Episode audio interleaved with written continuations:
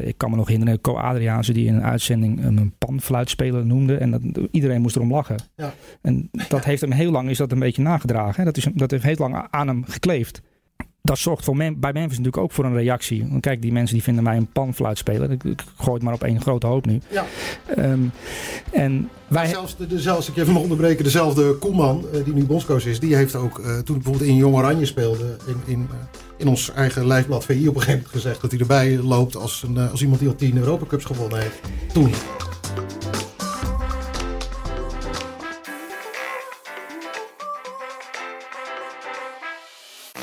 In de podcast Scorebordjournalistiek bespreken we wekelijks een productie van Voetbal International. Ben je benieuwd naar het artikel dat we bespreken? Ga dan naar www.vi.nl/slash scorebordjournalistiek. Daar kun je het hele stuk gratis lezen. www.vi.nl/slash scorebordjournalistiek. Ja, aflevering 5 van Scorebord Journalistiek, de podcast van Voetbal International, waarin we ja, op zoek gaan naar het verhaal achter het verhaal. En deze week staat hij in teken van Memphis, Memphis Depay. Een verhaal in de Voetbal International van deze week en op VI Pro van Simon Zwartkruis. Ja, en eigenlijk vooral over zijn uh, indrukwekkende cijfers in Oranje. Simon is aangeschoven. Uh, Simon, welkom. Uh, Oranje Watcher en auteur van het, het boek over Memphis, wat vorig jaar verscheen. Uh, inderdaad, uh, vijf maanden geleden verschenen. Ja. Ja, goed boek. Goed boek, ja. En, ook Suleiman Oesturk aanwezig. Uh, de, de man die van zijn hobby zijn werk heeft gemaakt. Dat betekent heel erg veel voetbal kijken en daar een mening over geven. Buitenland verslaggever hier. Soelie, ga ik even gek genoeg bij jou beginnen. Ehm, hoe goed is Memphis Depay? Dan hangt er vanaf welke Memphis Depay je bedoelt. Want er zijn er twee. Nou, je hebt de een in dienst van Lyon die we wat minder vaak zien ook. En die te maken heeft met verschillende trainers. En je hebt de Memphis onder Koeman, die ze zelf kan zijn. En ook op een plek speelt waar hij zichzelf het best kan uiten als voetballer. En daar vind ik hem geweldig. En in die rol ja, is hij een Europese topklasse spits, hè, om het zo maar te zeggen. En, en, en bij Lyon af en toe naar links gedwongen. Dan moet, Dem, moet Dembele weer spelen. Of dan moet hij in opdracht van een ploeg spelen. Maar ik vind hem ook op de linkerkant heel volwassen. En gewoon in zijn taak geweldig, geweldig voetballen. Ja, het is een Europese topspeler. Uh, alleen hij speelt bij Lyon. En dat is het, probleem nu, denk ik. Dat uh, laatst ook met hem over gehad. Of, hij noemde dat uh, een soort, soort mood swings die hij had. Op het moment dat hij vanuit Lyon het, uh, het vliegtuig instapt naar Oranje. Dat hij dan natuurlijk in een hele andere situatie terechtkomt. Die, die Solie net al een beetje schetst. want hij weet gewoon waar hij aan toe is bij Oranje natuurlijk. Zeker sinds Koelman daar, daar bondscoach is. En het merkwaardig is dat de hele wereld ziet hoe die gedijt in die vrije rol daar in die punt van de aanval. En uh, de vorige trainer bij, uh, bij Lyon, uh, Genesio, die heeft dat ook op een gegeven moment geadopteerd, zeg maar. Die, die zat op de tribune toen Koeman dat voor het eerst deed. En die dacht, nou, dat was aardig. De scout van Lyon zat naast hem.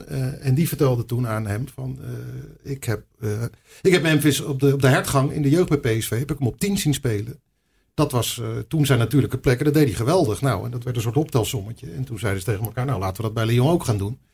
En toen ging hij daar dus een dolle scoren. Maar op een gegeven moment inderdaad werd Dembele dan van Celtic gehaald. En uh, werd hij weer naar links geduwd. En dit seizoen onder Silvino, die inmiddels ook alweer de straat op uh, getrapt is. Uh, heeft hij, was het iedere wedstrijd eigenlijk weer wat anders. Hij heeft, hij heeft in een tweemans aanval gespeeld. De laatste paar wedstrijden tegen Leipzig en, en de derby tegen Saint-Etienne. de ene keer met Terrier, de andere keer weer met, met, met Dembele. En dan gaat hij weer naar links. En dan is hij opeens weer spits in een systeem met drie aanvallers. Dus dat was voor hem ook iedere keer weer spannend wat er ging gebeuren. Ja, dat heeft hij dus allemaal niet, uh, niet bij Oranje. En je ziet hoe die gedijt bij, uh, nou ja, bij dat vertrouwen en bij die duidelijkheid. Nou, want jij bent deze week uh, in Memphis en zijn statistieken gedoken. waarom is hij zo goed bij Oranje? Mijn vraag is eigenlijk, hoe goed is hij? Waar ben je achter gekomen? Nou ja, kijk, het, het, het, fascinerende wel is om te zien hoe die, zeg maar, de international depay, voor, voordat Koeman bondscoach werd, uh, en hoe het sindsdien is, is gegaan, ja, dat, dat is krankzinnig eigenlijk. Als je ziet uh, hoe dat allemaal vooruit is gegaan.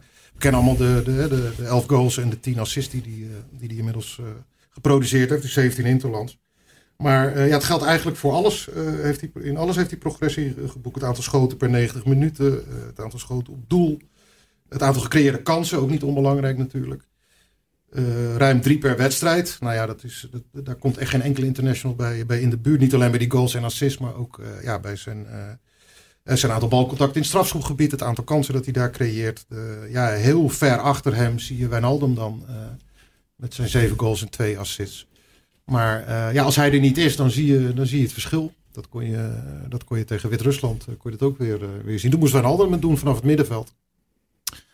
En het enige eigenlijk, de enige stat waar hij, waar hij in achteruit is gegaan, maar dat is misschien ook wel weer positief uit te leggen, dat is het aantal dribbles.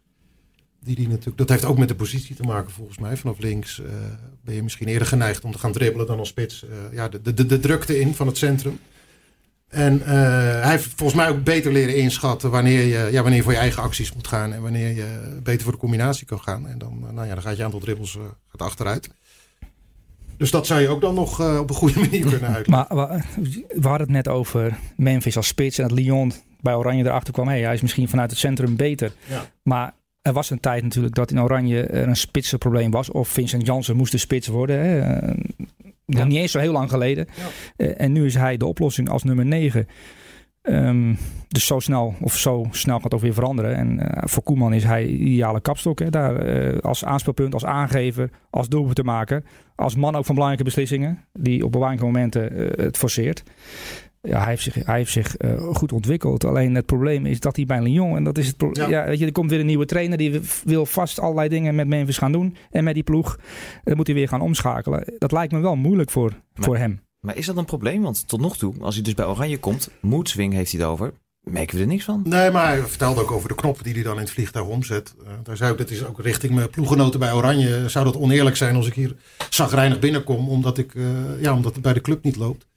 En, uh, dus dat, dat weet hij wel. En het kwam ook bij, bij Ronald Koeman nog te sprake de laatste interlandperiode. En die zei ook van ja, weet je, het, brengt veranderingen met zich mee, nieuwe trainer. En natuurlijk is het onrustig als je veertiende staat. Maar het eerste, eerste wat hij daarna zei was dat Memphis heel, mentaal heel sterk is. Dat was hem opgevallen. En dat hij eigenlijk ongevoelig lijkt voor, voor, voor, de situatie bij zijn club. Dat dat geen effect heeft op hoe hij presteert. Hij heeft ook wel periodes gehad dat hij, dat hij bijvoorbeeld een paar wedstrijden op de bank zat. Of dat hij niet leverde qua, qua rendement. Maar dan, dan meldt hij zich bij Oranje en dan pakt hij daar de draad gewoon weer op. Dus dat, dat lijken wel inderdaad twee verschillende werelden. Hoe belangrijk is Ronald Koeman in dit verhaal? Want ik, in jouw boek beschrijf je ook over dat Koeman en Memphis eerder bijna hadden samengewerkt. Bij Everton, ja. Ja, dat was in de tijd dat hij, nou ja, dat hij bij Man United weg wilde, weg moest. En uh, ja, uh, Koeman wilde ver gaan. Die heeft hem toen thuis uitgenodigd. En uh, ja, was prettig verrast door, door, door zijn hele houding, door zijn ambities. door, door het gesprek dat ze hebben, hebben gevoerd. Uiteindelijk is het Lyon geworden. Maar wat, wat Memphis in, in, in het boek ook op een gegeven moment beschrijft, volgens mij dekt dat de lading wel aardig. kijk, het is geen jongen die helemaal moet volpompen met allemaal opdrachten. En je moet hem vooral ook zijn intuïtie laten volgen. Je moet hem zeg maar de, de basic team opdrachten meegeven en die voert hij ook uit. En, en verder ja, zoekt hij zelf wel de ruimtes. En hij zei dus over Koeman, dat, dat wil ik zeggen. ja, hij weet precies wat hij wel moet zeggen, maar ook wat hij niet moet zeggen. Hè? Dus Koeman snapt dat niet iedere speler dezelfde benadering nodig heeft. En die laat hem dan ook gewoon af en toe. En andere spelers, die, ja, die geeft hij wel meer handvaten mee. En dat bepaalt hij eigenlijk per speler. En dat, Philip Cocu deed dat ook in zijn PSV-tijd. Dat is ook een trainer met wie, met wie het heel goed kon vinden. Om diezelfde reden die Prezi eh, ook om zijn, niet alleen om zijn eh, inhoudelijke trainingen, technisch-tactisch, maar ook uh, om zijn menselijke benadering. Die uh, wist ook precies wanneer hij hem even met rust moest laten en wanneer hij hem uh, even aan zijn oren moest trekken. En dat op, altijd op een rustige manier ook. Hij, hij, het werkt niet als je tegen hem gaat schreeuwen of zo, maar als je gewoon rustig uitlegt wat de bedoeling is. Dan kun je ook gewoon tegen hem zeggen wat hij fout heeft gedaan. Maar het gaat dan wel ook om de, om de toon die er wordt aangeslagen. Maar eh, jij hebt hem van heel dichtbij meegemaakt. Hè? Ik bedoel, zo'n boekproces, dan zoek je elkaar vaak op, dan zit je vaak met elkaar. Hoe moeilijk is zijn handleiding? Nou ja, dat viel wel, mij wel mee eigenlijk. Het is meer als je, als je interesse in hem toont eh, en hij heeft het gevoel dat dat oprecht is, dan, uh, ja, dan, dan opent hij zichzelf. Ja, dat klinkt een beetje zweverig misschien, maar dat. Uh, kijk, hij heeft, nou ja, dat, dat staat, staat allemaal in het boek ook beschreven. Waar, waar dat vandaan komt, hè, waarom je heel lang eigenlijk een hele teruggetrokken, ja, zo'n soort oester is geweest moeilijk benaderbaar en ook moeilijk te begrijpen voor iedereen. Dat, dat gold voor zijn leraar op school, tot zijn jeugdtrainers, tot nou ja, ook, ook zelfs nog als een seniorentrainers. Uh, deels ook zijn eigen schuld, zegt hij, omdat hij, omdat hij zelf nooit verteld heeft ja, wat hij allemaal heeft meegemaakt.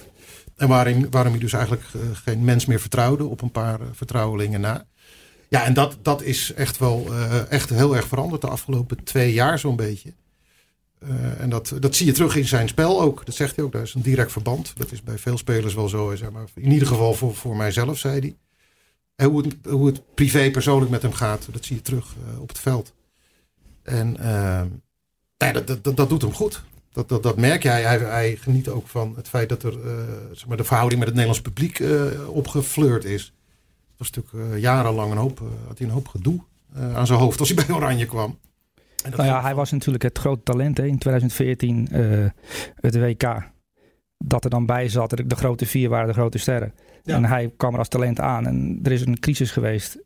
En die heeft hij helemaal meegemaakt. En hij moest die kar gaan trekken. En dan, dan snap ik wel dat dan op een gegeven moment ja, de, de, volkswoede zich een klein beetje op hem richt. Weet je wel. En dan moet je dan ook sterk iets doen gaan om dat eigenlijk te snappen. En denk oké, onafhankelijk. Ik ga door met wat ik doe. En dat is gewoon doelpunten te maken en assist geven. En dat vergeten. En dat is, lijkt me wel lastig als je jong bent. En dat, dat heeft met volwassen worden te maken. En je ziet hem volwassen worden steeds meer.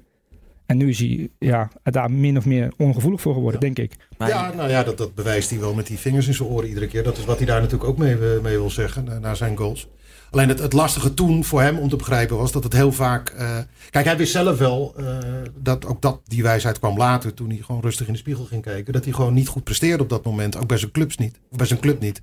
Bij Man United niet. Hij zat, zeker onder Mourinho, heeft hij eigenlijk alleen maar op de bank gezeten.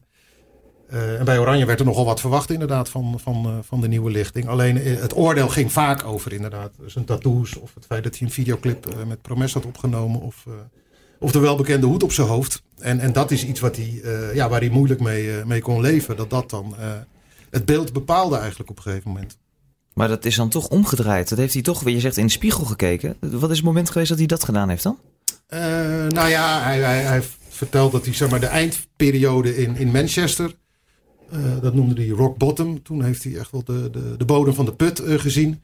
Dat was ook de tijd dat hij, uh, de, zijn, een van zijn beste vrienden die bij hem inwoonde, is aangevlogen. Gewoon eigenlijk uit onmacht. En ja, hij zag, hij zag gewoon helemaal geen uitweg meer. Niet, niet sportief en, niet, en ook op het persoonlijke vlak niet. ook voor het eerst in zijn leven dat hij, ja, dat hij geen lol meer beleefde aan het voetbal. Met tegenzin naar de training ging en zo. En dat, met dat, want voetbal is eigenlijk altijd alles voor hem geweest. En ook de uitweg uit die ellende die hij in zijn jeugd heeft meegemaakt. Uh, en, en, dat heeft hem aan het nadenken gezet. Van ja, dit, dit gaat helemaal de verkeerde kant op zo. En dat viel zo'n beetje samen met, uh, met het feit dat hij. Uh, ja, dat, dat, dat geloof weer een grotere rol in zijn leven ging spelen. Dat, dat, dat is voor hem ook een uitweg geweest uit die. ja, de donkerste periode van zijn leven, zo omschrijft hij dat.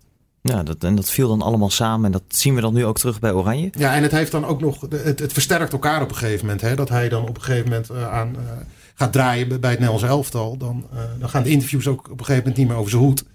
Of over, uh, over uh, hip-hop, maar dan gaat het over, over zijn goal of over zijn ontwikkeling als spelen. En dan merk je ook dat hij, ja, dat hij die gesprekken leuker gaat vinden. ja. Dus tv-journalisten merken van hé, hey, het is toch wel een aardige gozer zo op zijn tijd. Ik heb dat ook wel gezegd tegen hem toen wij met het boek bezig waren. Want dan leer je hem inderdaad van een andere kant kennen. En uh, dat hij zichzelf tekort deed in, in veel van die tv-interviews. Weet je, want het is echt het is een hele vrolijke gozer. Als hij, uh, ja, als hij dat wil laten zien, zeg maar. En, aan de andere kant wilde hij, ja, zei hij dan van ja, maar ik ga geen toneelstukjes opvoeren. Omdat anderen dat van mij verwachten. En omdat dat misschien mijn imago zal gaan verbeteren. maar nu gaat het op een veel, veel natuurlijkere manier eigenlijk. En dat, dat, dat, ja, dat komt omdat, omdat het van beide kanten nu, nu anders wordt aangepakt. Maar sorry, hoe zie jij dat? Want net voorafgaand aan deze podcast waren we al een beetje aan het filosoferen. Toen kwam de naam Lukaku. Nou, je ziet ook in België, er is een bepaalde houding. Of een hij wordt op een bepaalde manier beoordeeld. Eh, op dingen die hij niet kan, hè, Lukaku dan. En als hij dan een keer een bal verkeerd gekaatst heeft, dan is dat, ligt, ligt daar de nadruk op in een wedstrijdverslag. Terwijl hij 51 inter, interland goals heeft gemaakt. En, en, en topscorer alle tijden is van België. Maar zo wordt hij niet op, die, op dat voetstuk wordt hij niet geplaatst. Dus hij wordt, hij wordt op een bepaalde manier beoordeeld. En met Memphis denk ik in het begin, uh, ik kan me nog herinneren, Co Adriaanse die in een uitzending een panfluitspeler noemde. En dat, iedereen moest erom lachen. Ja. En dat heeft hem heel lang is dat een beetje nagedragen. Hè? Dat, is, dat heeft heel lang aan hem gekleefd. Dat zorgt voor bij Memphis natuurlijk ook voor een reactie. Want kijk, die mensen die vinden mij een panfluitspeler. Ik, ik gooi het maar op één grote hoop nu. Ja. Um, en wij... Zelfs, de, zelfs, ik even mag onderbreken, dezelfde Koeman, uh, die nu bondscoach is, die heeft ook, uh, toen bijvoorbeeld in Jong Oranje speelde, in, in, uh, in ons eigen lijfblad VI op een gegeven moment gezegd dat hij erbij loopt als, een, als iemand die al tien Europa Cups gewonnen heeft. Toen, in Jong Oranje. En hij, er was inderdaad heel veel van dat kritiek. Nou was het bij Koeman nog, ja, kun je dat nog aan voetbal relateren, iemands houding in het veld. En bij Co Adriaanse met zijn panfluit is dat dan alweer wat minder relevant, vind ik. Maar... Precies, maar wij hebben ik zeg maar gewoon wij, ik heb ook moeten wennen aan zijn verschijning. En, en Ja. kijk, het is niet alledaags dat een voetballer een, een, een clip de wereld ingooit. Dat Nee. zie je niet 1, 2, 3. Dat moet je ook even verwerken hè? Als, als mens, als journalist. Ja, als, je ervoor behandeld ook? Nou, dat nog net niet. Maar je moet wel even kijken, wat, wat zie, wat, waar zit ik nou naar te kijken? Dit is, Ja. een, dit is een spits van Lyon of een spits van Oranje. En is, eh, hij is kennelijk ook nog rapper. En dat vindt hij leuk in zijn vrije tijd. En ik heb de interviews ook gelezen in VI. Heeft hij dat ook verteld? Hij, hij heeft een soort uitlaatklep nodig. Dat is muziek onder andere. Ja, dat is allemaal prima. Ehm, maar je moet ook beseffen, denk ik, dat, dat je elke keer weer opnieuw beoordeeld wordt door heel veel mensen. Niet alleen door Simon, of niet alleen door mij, maar in Frankrijk door allerlei mensen. En die hebben er maling aan of jij wel of niet in je vrije tijd wil rappen. Weet je wel, als jij een keer eh, niet scoort, ja, dan, dan krijg je het van voren en dan wordt het allemaal meegenomen. Ehm, er zijn ook voetballers die, eh, die geen Instagram hebben, geen Twitter hebben, die dat allemaal helemaal compleet eh, afschermen. Weet je wel, ik weet van een aantal voetballers helemaal niets. Privé. En hij kiest ervoor om dat te delen. En dan maak, je, dan maak je jezelf ook een klein beetje kwetsbaarder. En dan moet je mee om kunnen gaan. Dat kan hij volgens mij wel, want ik zie dat hij er nu om kan lachen. Ja. Eh, en, en ik vind ook, eh, ja, je zei net over het interviewen van Memphis. Hij is ook beter gaan spreken. Hij heeft er meer lol in, zie je. Ja. Eh, duidelijk. En hij is ook zichzelf beter gaan verwoorden. Want dat moet je ook maar kunnen. hè. Het is ook maar zomaar. Je wordt neergezet voor een microfoon. Ga maar praten. Ja, niet iedereen kan van zichzelf een aantal zinnen achter elkaar zetten. Dat is ook nog een kunst. Om dat goed te kunnen. Zeker als de adrenaline nog uit je oren spuit. eh, twee minuten na een En wedstrijd. precies. Maar ik Wayne Rooney in het begin, ja, daar kwam geen fatsoenlijke zin uit. En die heeft daar- langzaamaan is die daarin gegroeid. En Memphis heeft dat, eh, ja, dat was ook niet de makkelijkste spreker, eh, moet ik eerlijk zeggen. Hè? Als, je, als, je, als je hem hoorde, dan denk je, wat, wil hij nou precies zeggen? Hij wil heel veel zeggen, maar het komt er niet helemaal uit. En hij is wat rustig in zijn hoofd geworden. Ja, met een camera erop is dat sowieso te confronteren natuurlijk. Want ik heb natuurlijk voor het boek eh, ja, eh, uren en uren en uren met hem gesproken. En toen viel me juist op dat, eh, eh, dat hij ontzettend lang van stof kon zijn inderdaad. Dat, dat er echt er zaten eh, stukken tussen dat ik een half uur niks, eh, zelf niks zei eigenlijk. Dan, dan bleef hij praten. Ja. En dan hadden we echt aan het einde van de dag had hij echt een, een, een droge strot. En was hij doodop. Alleen als je daar camera op had gezet, ja, dan, dan, Ja. dan vallen de stiltes tussendoor misschien op of zo. Soms moet hij even nadenken of begint hij te associëren of weet ik het wat. Maar toen viel me wel op, en daar was ik wel heel blij mee, omdat ik er natuurlijk een boek van moest gaan, gaan brouwen. eh, dat zichzelf juist heel goed eh, kon verwoorden. Maar was hem dat vijf jaar eerder ook gelukt? Nee, dat denk ik niet. Nee, en dat denkt hij zelf volgens mij ook niet. Dus dit moment was er nu ook, eh, was, was nu ook goed. Eh, en bij Nederland elftal speelt hij een belangrijke rol in cijfers. Maar ja, hij is ook eigenlijk een van de leiders van dit elftal. We hebben een instaatje van een eh, paar mede, eh, paar collega's die eh, even wat over hem te vertellen hebben. Nou, ik moet zeggen, de wedstrijden die ik heb gespeeld bij Oranje heeft hij bijna elke wedstrijd heel goed gedaan. Dus eh, nee, heel veel goede herinneringen. Ja, nou, het is een grote speler natuurlijk. Eh, ja, het, eh, als je voor de eerste keer bij Nederland komt, dan kijk je wel uit om, naar, om zulke jongens te ontmoeten natuurlijk. Die spanning nam die zeg maar gelijk helemaal weg. En dat was wel eh, fijn. Ja, ik weet niet. Ik denk dat veel mensen wat verkeerde beeld van Memphis hebben. Toen ik bijvoorbeeld bij Oranje kwam, liet hij me gelijk thuis voelen. Gewoon een hele aardige jongen is het ook. Heel open. En als je goed tegen hem bent, dan is hij ook goed tegen jou. Dus eh, nee, eh, hele prettige persoonlijkheid. Simon, je hebt bij Nederland elftal iemand als Virgil van Dijk. Dat, dat is een leider, dat zie je, dat is oogt hij. Frenkie de Jong is voetballend misschien wel een leider. Maar Memphis is dat ook op deze manier. Ja, het is iemand die, eh, en dat, dat is eh, in Lyon trouwens ook wel iemand die, die graag centraal in de groep staat. Ja, niet, niet om het middelpunt te zijn, maar omdat hij eh, heel erg hecht aan, eh, ja, een goede sfeer. Dat zijn natuurlijk meer voetballers, maar hij probeert ook echt naar te handelen door, door om een voorbeeld te geven. Hij heeft bij Oranje het initiatief genomen om, eh, om de appgroep eh, levend te houden die ze hebben, ook, ook tussen uh, Interlands door. Ja, want, want ze, ze, ze hebben een WhatsApp-groep, er zitten alle internationals in. Ja. En vroeger, dan na een interland, dan was stapt iedereen er weer uit. Ja, of, of Nou, ieder geval totaal niet in gecommuniceerd. En hij, eh, hij wil weten ook wat gasten ja, in hun vrije tijd doen. En eh, waar ze op vakantie gaan. En, eh, en al dat soort dingen. Eigenlijk gewoon de dingen delen die wij allemaal in onze eigen eh, appgroepjes ook met vrienden en zo delen. Eh, dat vindt hij A leuk. En B eh, vindt hij het ook goed voor de, voor de groepsmoraal. en eh, nou ja, een ander voorbeeldje is de, de muzieklijst daar. Daar heeft hij op een gegeven moment ook iets voor bedacht. Dat, ze, dat iedere speler een paar nummers kan aandragen voor de, voor de playlist van, van Oranje, zeg maar.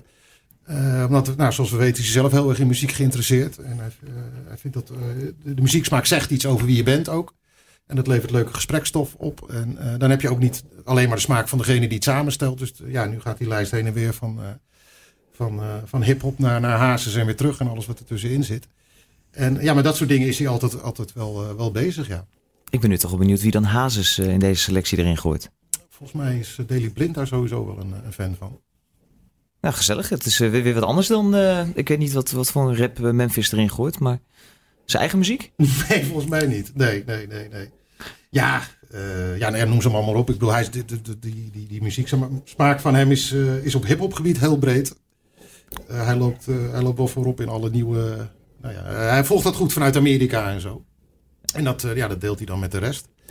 En ehm, ja, in, in, die zin. En je merkt ook wel, dat hoor je ook wel van jonge jongens. nou, bijvoorbeeld Donjan Maal is wel een goed voorbeeld, denk ik. Want het is in feite is dat een, een nieuwe concurrent van hem. Ja.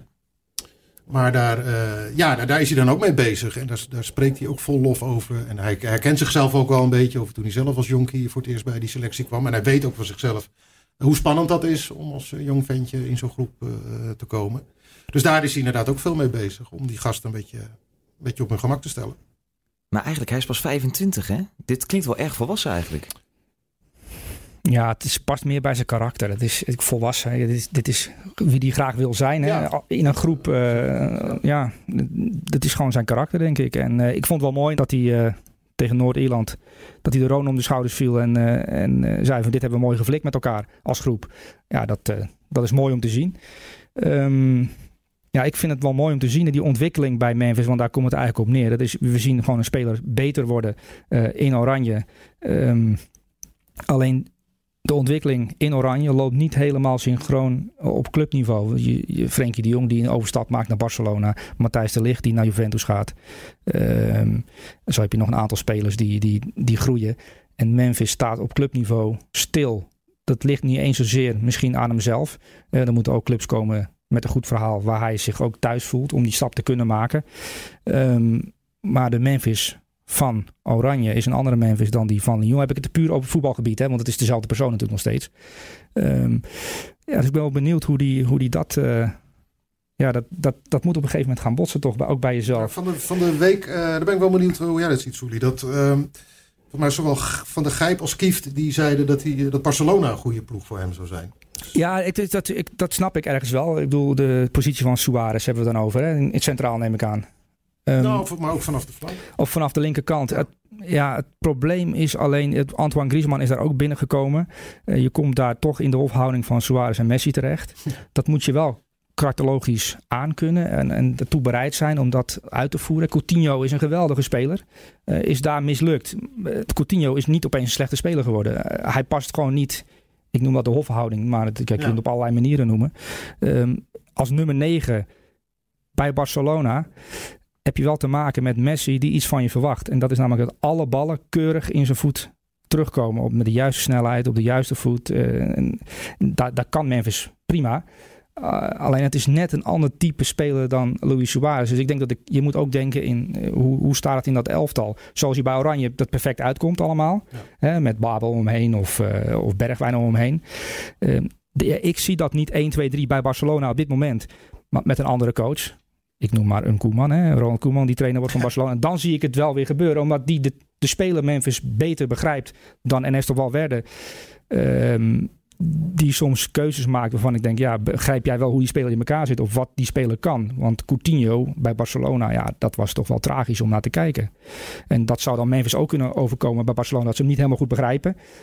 En dat hij daar dan uh, een jaar op de bank zit. En dan, ja, dat moet hij ook niet willen, denk ik. Maar kan, kan hij heel nederig zijn? Want als je bij Lyon in de spits staat en je rendeert bij de beste man. Nederlands ja, maar, is hij de beste spits. Nederig zijn, ja. Je, je bedoelt voetballen zoals Sadio Mane bij, bij Liverpool. Ja. Op die manier. Dat is nederig voetballen en toch uit kunnen blinken. Ja. Um, ja, dat zou hij wel moeten kunnen. Dat, dat, dat moet hij gewoon doen als hij een stap wil maken. Want in, in de top is het niet de grote Memphis show. En dat moet je beseffen. Uh, bij Manchester United heeft hij natuurlijk gezeten. Uh, onder verhaal onder andere Mourinho meegemaakt. Uh, ja, dat zijn trainers die hebben weinig geduld met spelers. zeker Mourinho. ja, ik heb hem invalbeurten zien maken. Waarbij je gewoon heel goed zag dat hij niet lekker in zijn vel zat. Die er eigenlijk helemaal geen zin meer in had onder deze trainer. ja, die knop moet je om kunnen zetten. Coutinho is nu verlost bij Bayern München wordt langzaam weer de speler die hij was. Ja, je, je komt soms in een situatie terecht bij een club dat je ja, dat je nederig moet zijn of dat je dingen anders moet doen zoals je ze misschien zelf niet zou willen doen. En dat is een proces. Dan moet je, de, ja, alleen als je Messi bent, dan, mag je doen wat je wil. Of Ronaldo. Die, die, nukkige jongen die, bij, uh, die op Old Trafford inderdaad uh, inviel. Met, met zichtbare tegenzin. Dat, bedoel, daar is dat stadium is hij wel voorbij. Precies, nou, maar dat bedoel ik met groeien. Balans, balans vinden tussen in hoeverre gaat, volgt hij zijn gevoel in het veld. En in hoeverre is hij dienstbaar aan, aan, aan zijn ploeg. En als je kijkt bijvoorbeeld, maar dan heb je het weer over Oranje, naar de, de afstanden die hij aflegt. Hij is, hij is regelmatig degene die, eh, die de meeste kilometers bij elkaar sleurt. En in die zin, ik weet nog zijn allereerste Interland was dat een kritiekpunt van, van Koeman tegen Engeland, die, die 0-1 nederlaag.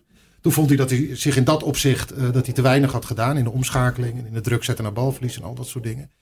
Nou, ja, dat heeft hij één keer gezegd en ja, dat, dat heeft hij opgeslagen. En ja, daarna weinig meer van gezien. Ja, ik vind ook heel opvallend, ook bij Lyon, hoor, dat, je, dat je denkt van, ja, waarom, waarom doet hij dit nog?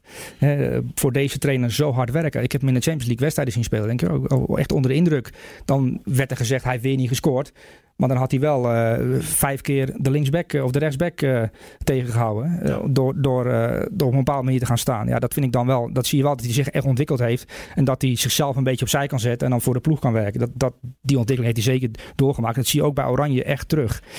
dat hij heel veel arbeid in die ploeg steekt. Want je, je noemde net al die assists en doelpunten op. En het zijn indrukwekkende statistieken. Vergeleken met het verleden van de andere, onder andere bondscoaches. En hij is qua rendement staat hij ver bovenaan. Maar hij stopt ook heel veel energie in die ploeg. En dat, uh, ja, dat is prima. En uh, ja, je begon er eigenlijk mee met uh, wat voor voetballer hè, is hij nu? Europese top. Ja, en, en, ja, ik heb het er met Simon een aantal keer ook over gehad. Maar die, die, die, het is toch wel belangrijk, de keuze die je maakt straks. Ja. Waar kom je terecht? Stel je voor, je, je, Real Madrid meldt zich. Ja, dan kun je in een enorme chaos terechtkomen. Ik bedoel, en, en dan moet je maar zien wat er gaat gebeuren. Dus, en dat kun je trouwens ook hebben bij een club waar alles stabiel lijkt. Hè? Nou, het dus is dat je inderdaad bijvoorbeeld, je, je, je kunt voor een trainer kiezen, maar die kan drie maanden later alweer ja. in Turkije staan. En dat, uh, dat, dat, dat, is het lastige. Hij heeft natuurlijk toen hij naar uh, Lyon ging, uh, heeft hij ook via, via SciSports, een databureau, hebben ze alle, alles door de, door de digitale molen gedraaid om te kijken ja, welke clubs geschikt voor hem zouden, zouden zijn. Maar dan nog ja, kan alles, uh, kan alles zomaar anders zijn. En bij, kijk, bij Lyon leek het uh, in de voorbereiding uh, in die zin goed te gaan. Dat, die Silvino die had ook in de gaten hoe hij zich ook ontwikkeld heeft in die groep en als teamspeler. En die tegen Arsenal gaf je hem de aanvoerdersband. Ja. En daar zei hij ook bij van, nou ja, er zijn een paar leiders in deze groep en daar zei hij één van. En nou, ook weer een soort, soort stap in, die, in, in, in dat hele proces. Maar ja, dat gaat straks weer helemaal opnieuw beginnen. En met welke trainer is nog steeds niet duidelijk. Ik, uh, Mourinho wordt in ieder geval niet. Die staat al jaren bovenaan de lijst van de voorzitter daar. Maar ja, ik denk dat, dat niet heel erg. Rudy Garcia wordt het, de trainer van Marseille. En ja, dat zou op zich wel bij Memphis passen. Is dat, zeker? dat denk ik, ja. Dat, uh, als, als ik het nu zeg, dan is het zeker. Oké, okay, is genoteerd. bij deze. Ja. Maar ja, ja, ik heb echt, hij moet weg. Hij moet weg bij Lyon. Niet omdat, omdat Lyon een mindere club is of omdat hij te goed is voor Lyon. Uh, maar ik denk dat hij nu op een moment in zijn carrière is gekomen. Dat, dat, hij kan beter worden. Maar hij is nu als voetballer en als mens toch verder dan toen hij naar Manchester ging. Dat ja, absoluut. hij is veel verder. De prikkelt toch om hem bij een absolute topclub aan te Ja, alleen daar zijn maar heel weinig stoeltjes. Hè. Ik, eh, Barcelona, Real Madrid, Bayern München, City, Liverpool. Eh, noem dat maar op Chelsea.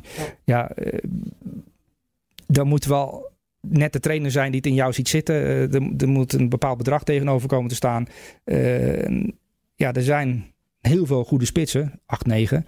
En om daartussen te komen, zal je ook bij Lyon, zo kijken clubs toch, hoeveel heeft hij er gemaakt? Ja, dat valt toch wel tegen. Weet je wel, de, de, cijfers van Memphis bij Lyon vallen voor een, voor een nummer 9 tegen. Terwijl hij heel vaak op links staat. maar dat weten. Maar, dat, dat is de, maar zo kijken de meeste trainers, die hebben echt geen, geen tijd om alle wedstrijden van Lyon te bekijken. Dus die kijken die cijfers naar. Maar, ja, valt, ja, dan hebben ze toch een ander, liever een ander. Die gewoon topscorer wordt van Frankrijk bijvoorbeeld. Ja, nou goed, ja, het is maar ook maar, maar net hoe ver je kijkt. Uh, hij was volgens mij vorig seizoen inderdaad waren zijn stats minder bij zijn club. Ja. Uh, maar had hij wel de meest uh, gecreëerde kansen in de hele league ja. achter zijn naam staan. Ja, en als die dan niet worden afgerond, ja, wie, wie, moet je dat dan verwijten? Zo kun je het ook bekijken. Maar veel trainers kijken inderdaad goals, assist en that's it. Maar het is duidelijk dat hij... bedoel, zijn volgende stap zal dan inderdaad gewoon een absolute topclub moeten zijn. In die zin kijkt hij ook wel kritisch. Een beetje vergelijkbaar met, met, met die, die, die bij Ajax zegt, nou, Sevilla, ja, wow Nee, doen we niet. Hoeft En niet. terecht. En terecht. Dat is hartstikke logisch. Je gaat toch niet van Ajax naar Sevilla. Wie wordt daar beter van? Sevilla. Maar, maar Hakim Ziyech niet. Nou, dat, Nee. Zo moet Memphis ook gaan denken. Hij, de volgende club, die moet, daar moet hij zelf ook beter van worden. Niet Ja. alleen de club zelf natuurlijk. Ja, zeker. Nou ja, goed, maar Dus- dat is zijn insteek ook natuurlijk. maar de prikkelende gedachte is natuurlijk, eh, collega Martijn Krabberdam zat hier een paar weken geleden en die zei, nou, Ronald Koeman gaat naar Barcelona. Dat is bijna 1 en 1 is 2. Dat gaat een keer gebeuren. Memphis rendeert onder Koeman bij Oranje. Ja, dan zou dat toch wel eens in de maak kunnen zijn? Of is dat een hele makkelijke gedachte? Nou, dat is een te makkelijke gedachte. Maar je, kijk, die halen dan Griezmann als opvolger van Suarez. En voorlopig parkeren ze hem op links. Ja, dat zijn al van die dingen in de top. Dat je, dat je, die, begrijp je niet zo heel goed. Nee. En volgend jaar komt dan Neymar weer. Want, eh, en dan moet Suarez eh, weg, want Griezmann moet op 9. En dan moeten we in Memphis weer komen. Weet je wel. Maar dat zo werkt nou helemaal in de top. Daar moeten we verder niet eh, heel erg eh, opgewonden over doen. Dat, zo gaat het nou eenmaal. Ja, het is een prikkelende gedachte. Memphis bij Barcelona. Dat zou voor het Oranje geweldig zijn. Dat zou voor Memphis geweldig zijn. Denk ik. Ik weet niet of hij Barcelona een mooie club vindt. Maar Ja, maar hij heeft natuurlijk altijd Real Madrid als eh, zijn droomclub. eh, Ja, en- ja. Maar die, hij, eh, als Barcelona aanbod, gooit hij de deur echt niet dicht hoor. dat zou ik ook doen, ja. En ja, en vanuit het perspectief van Barcelona, ik bedoel voor de helft van het geld van Neymar, eh, zeg maar, kan je, haal je hem. maar ik denk toch dat Barcelona voor Neymar gaat kiezen. Dus Dat, dat zie je aankomen zo. Nee, nee, maar die, die, gaan, die halen in komende zomer Neymar binnen voor 200 miljoen euro. En dan denk je, ja, eh, kijk, wat Neymar, het voordeel van Neymar, eh, die, behalve alle, alle reclamecontracten die hij met zich meebrengt, maar hij speelt 30 wedstrijden en scoort 25 keer. Eh, dat is ongeveer de, de, de, de rate die hij heeft. En ja, dat heeft Memphis niet. Die, bij Oranje wel trouwens. Dat is nu de, de grappige Ja. ervan. Eh, bij Lyon heeft hij dat niet. Eh, anders had hij waarschijnlijk al bij een topclub gezeten. Denk ik. Het is wel een voordeel van, eh, van, die, ook van die mentale ontwikkeling waar we het net over hadden, die hij heeft doorgemaakt. Die, hij gaat er wel rustiger mee om dan vroeger. Ik bedoel, nou ja, ook, ook daarvan staan in, in het boek tal van voorbeelden hoe hij in de jeugd voedend het complex afbeent na, na, als, hij, als hij een keer gewisseld is. Of hoe hij eh, in conclave gaat met, eh, met trainers eh, die, hem, die hem niet aanstaan. En, bedoel, dat, dat is allemaal wel zo'n beetje geweest. Hij heeft een bepaalde inner- innerlijke rust gevonden die, hem ook, die ook maakt dat hij beter om kan gaan met als hij bijvoorbeeld inderdaad eens een keer bij Lyon op de bank zit. Of als hij, nou, als hij daar gewisseld wordt, dat soort, dat, dat soort zaken. En dat, dat geldt volgens mij ook wel voor, voor, ja, voor, voor zijn huidige situatie. Ik bedoel, hij baalt ervan. Hij vindt het vervelend. Hij heeft Oranje dan nu als, ja, als uitlaatklep eigenlijk. Waar hij zich, als plek waar hij zich in ieder geval compleet op zijn op zijn gemak en prettig voelt. En dat dat bij Lyon nu even niet zo is. Dat, een paar jaar geleden was hij daar, eh, ja, was hij daar, eh, had hij daar heel anders op gereageerd dan nu. En die Russische kop, denk ik, gaat uiteindelijk straks beslissend zijn om, eh, om toch een stap te gaan maken. En dan tot slot, komende zomer, EK. Gaat hij als Europees kampioen maken? Kan hij dat? Nou ja, eh, als je ziet eh, hoe die in de, in de topwedstrijden ook heeft gefunctioneerd, dan, eh, dan is het antwoord ja. Kijk, ja, weer even naar die statistieken, maar het, het, het, zal echt voor een groot deel van hem moeten afkomen ook. Hè, Wijnaldum in zijn nieuwe rol voegt ook heel veel toe aan het rendement van Oranje. Maar ja, nou ja, wat is het? 55% van de treffers eh, van de schot op goal, geloof ik, eh, komt 40% van hem vandaan. Ja, of de andere aanvallers moeten zich heel erg gaan ontwikkelen. Maar hij heeft bijvoorbeeld ook echt veel meer assists dan de, vleugelspelers. Toch een plek waarvan je dan eerder eh, assists verwacht. Dus ja, of Malen moet, moet spectaculair doorontwikkelen, ook op internationaal niveau. Maar anders moet het van hem komen. En Malen zal eerst de stap nog moeten zetten naar waar, waar Memphis nu speelt. Hè, Een, Europese subtop. een Dus het is een beetje een vreemd, ja. Maar aan Memphis ligt het niet.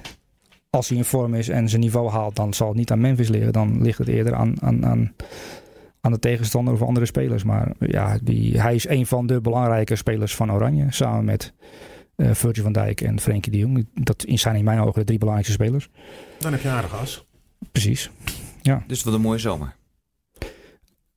Oh, jij wil eh, ons... eh, We gaan naar Ik elkaar kan nog alles. die, die, geven we gratis weg vandaag. Je kan er niet vroeg genoeg bij zijn. Nou ja, je ziet bij heel veel landen, we- toevallig hebben we het nu over een spits, een nummer 9, Frankrijk, Giroud, probleem. Ehm, Spanje, in de, in, de, in de punt van de aanval, een probleem. Nou, wij hebben geen probleem in de punt van de aanval. Dus eh, ja, eh, laat ik maar gewoon ja zeggen, we worden Europees kampioen. Nou ja, het, het hoopgevende vind ik dat de, de, de beste wedstrijden die ze onder Koeman gespeeld hebben, die waren juist tegen de toplanden. We hebben nu net uh, in deze kwalificatiereeks een paar van die worstelwedstrijden gezien uh, tegen ploegen die zich compleet ingraven en, en de ruimtes klein maken. Ja, maar dat is eigenlijk altijd zo geweest, hè? de hele maar dat is inderdaad, uh, daar hadden de vorige toplichtingen hadden daar ook, ook vaak moeite mee.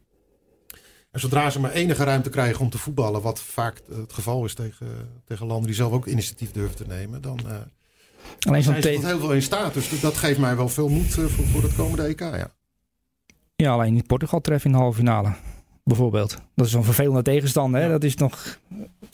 Die kan het allebei en ingaven en heel goed voetballen. Ja, maar het, Nederlands elftal heeft zich ook wel die kant op uh, bewogen. Hè? Die kunnen ook meerdere, meerdere dingen. Die kunnen zich ook tegen Engeland of zo. Denk je even, even, wat, even wat meters terug. En laat ze maar het idee hebben dat ze kunnen voetballen. En dan bam, toeslaan. De omschakeling. Dat, is, uh, dat heeft Koeman het wel mooi ingebracht. Hè? Want we, ik zei de drie spelers. Uh, Virgil van Dijk, Frenkie de Jong en Memphis Depay. Je vergat Wijnaldum. Ik vergeet Wijnaldum, maar ik vergeet vooral één iemand. Dat is de bondscoach. Die dat toch wel echt... Die helderheid en duidelijkheid waar Memphis heel veel aan heeft gehad. Maar waar de rest van de ploeg ook heel veel aan heeft. Ik bedoel, um, ik vind het wel knap dat hij bijvoorbeeld Matthijs de Ligt gewoon laat staan. Um, het vertrouwen blijft houden. Je had heel makkelijk een andere speler neer kunnen zetten. Die misschien die twee wedstrijden ook had kunnen spelen. Maar dan, dan zorg je ervoor dat Matthijs de Ligt vijf maanden langer nodig heeft om te herstellen van een kleine vertrouwensdip. En uh, wat hij met Matthijs de Ligt heeft gedaan, ja, en dat heeft hij met Memphis ook gedaan. Want hij laat hem ook wel vaak staan. Memphis heeft ook wel wedstrijden dat je denkt, hmm, zou hem eraf kunnen halen. Hij heeft hem één keer gewisseld, ja. Dus hij, hij laat hem staan. Dat vind ik wel het mooie aan Koeman. Dat het vertrouwen van Memphis neemt, ja, neemt wel toe. Ik zou het ook prettig vinden als ik zo iemand uh, uh, als baas zou hebben die zoveel vertrouwen in mij heeft. Weet je, dan groei je van als persoon, als voetballer. Uh, hij laat hem wel staan. Terwijl er wedstrijden waren, dan had hij hem er ook af kunnen halen. En er had niemand daar iets over gezegd. Nee, ik vond zelf, de, ik moest bij die wedstrijd tegen, tegen Noord-Ierland denken aan die wedstrijd tegen Engeland. In de eindronde van de Nations League. Toen speelde hij ook echt, echt, echt, helemaal niet goed. Maar uiteindelijk was hij wel met twee assists.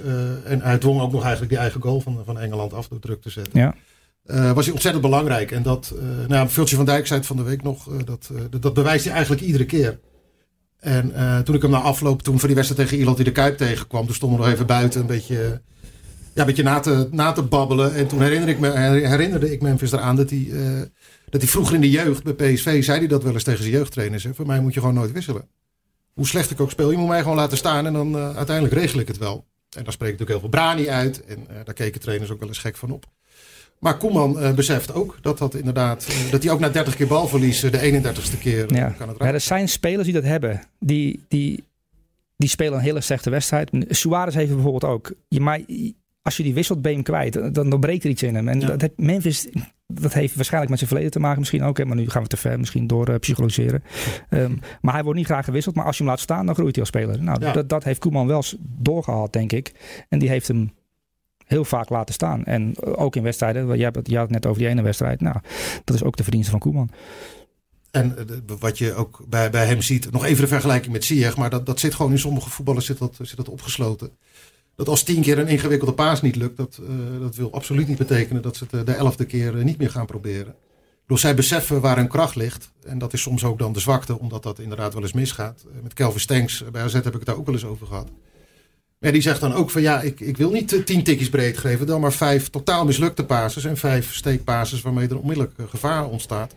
Ja, zo, zo staat Memphis ook in, in, in het voetballeven. En dan, soms gebeuren er de gekste dingen daardoor. En, uh, en het andere moment jaagt hij hem uh, dwars door het net heen. En we blijven hopen op die momenten. Dat, dat hij het verschil kan maken. Nou ja, tot nu toe zijn die er genoeg. Dus ja. Het belooft een mooie zomer met Memphis Depay te worden. Uh, deze week in de Voetbal International en ook op VI Pro het uh, verhaal van Simon Zwartkruis over Memphis Depay en zijn uh, belangrijke rol in het Nederlands elftal. Wil je dit verhaal nou gratis lezen? Ga dan naar vi.nl. Scorebord journalistiek. Suleiman en Simon, dankjewel. Zo, dat ben je goed aan de man, jongen. Commercieel, hè? Oude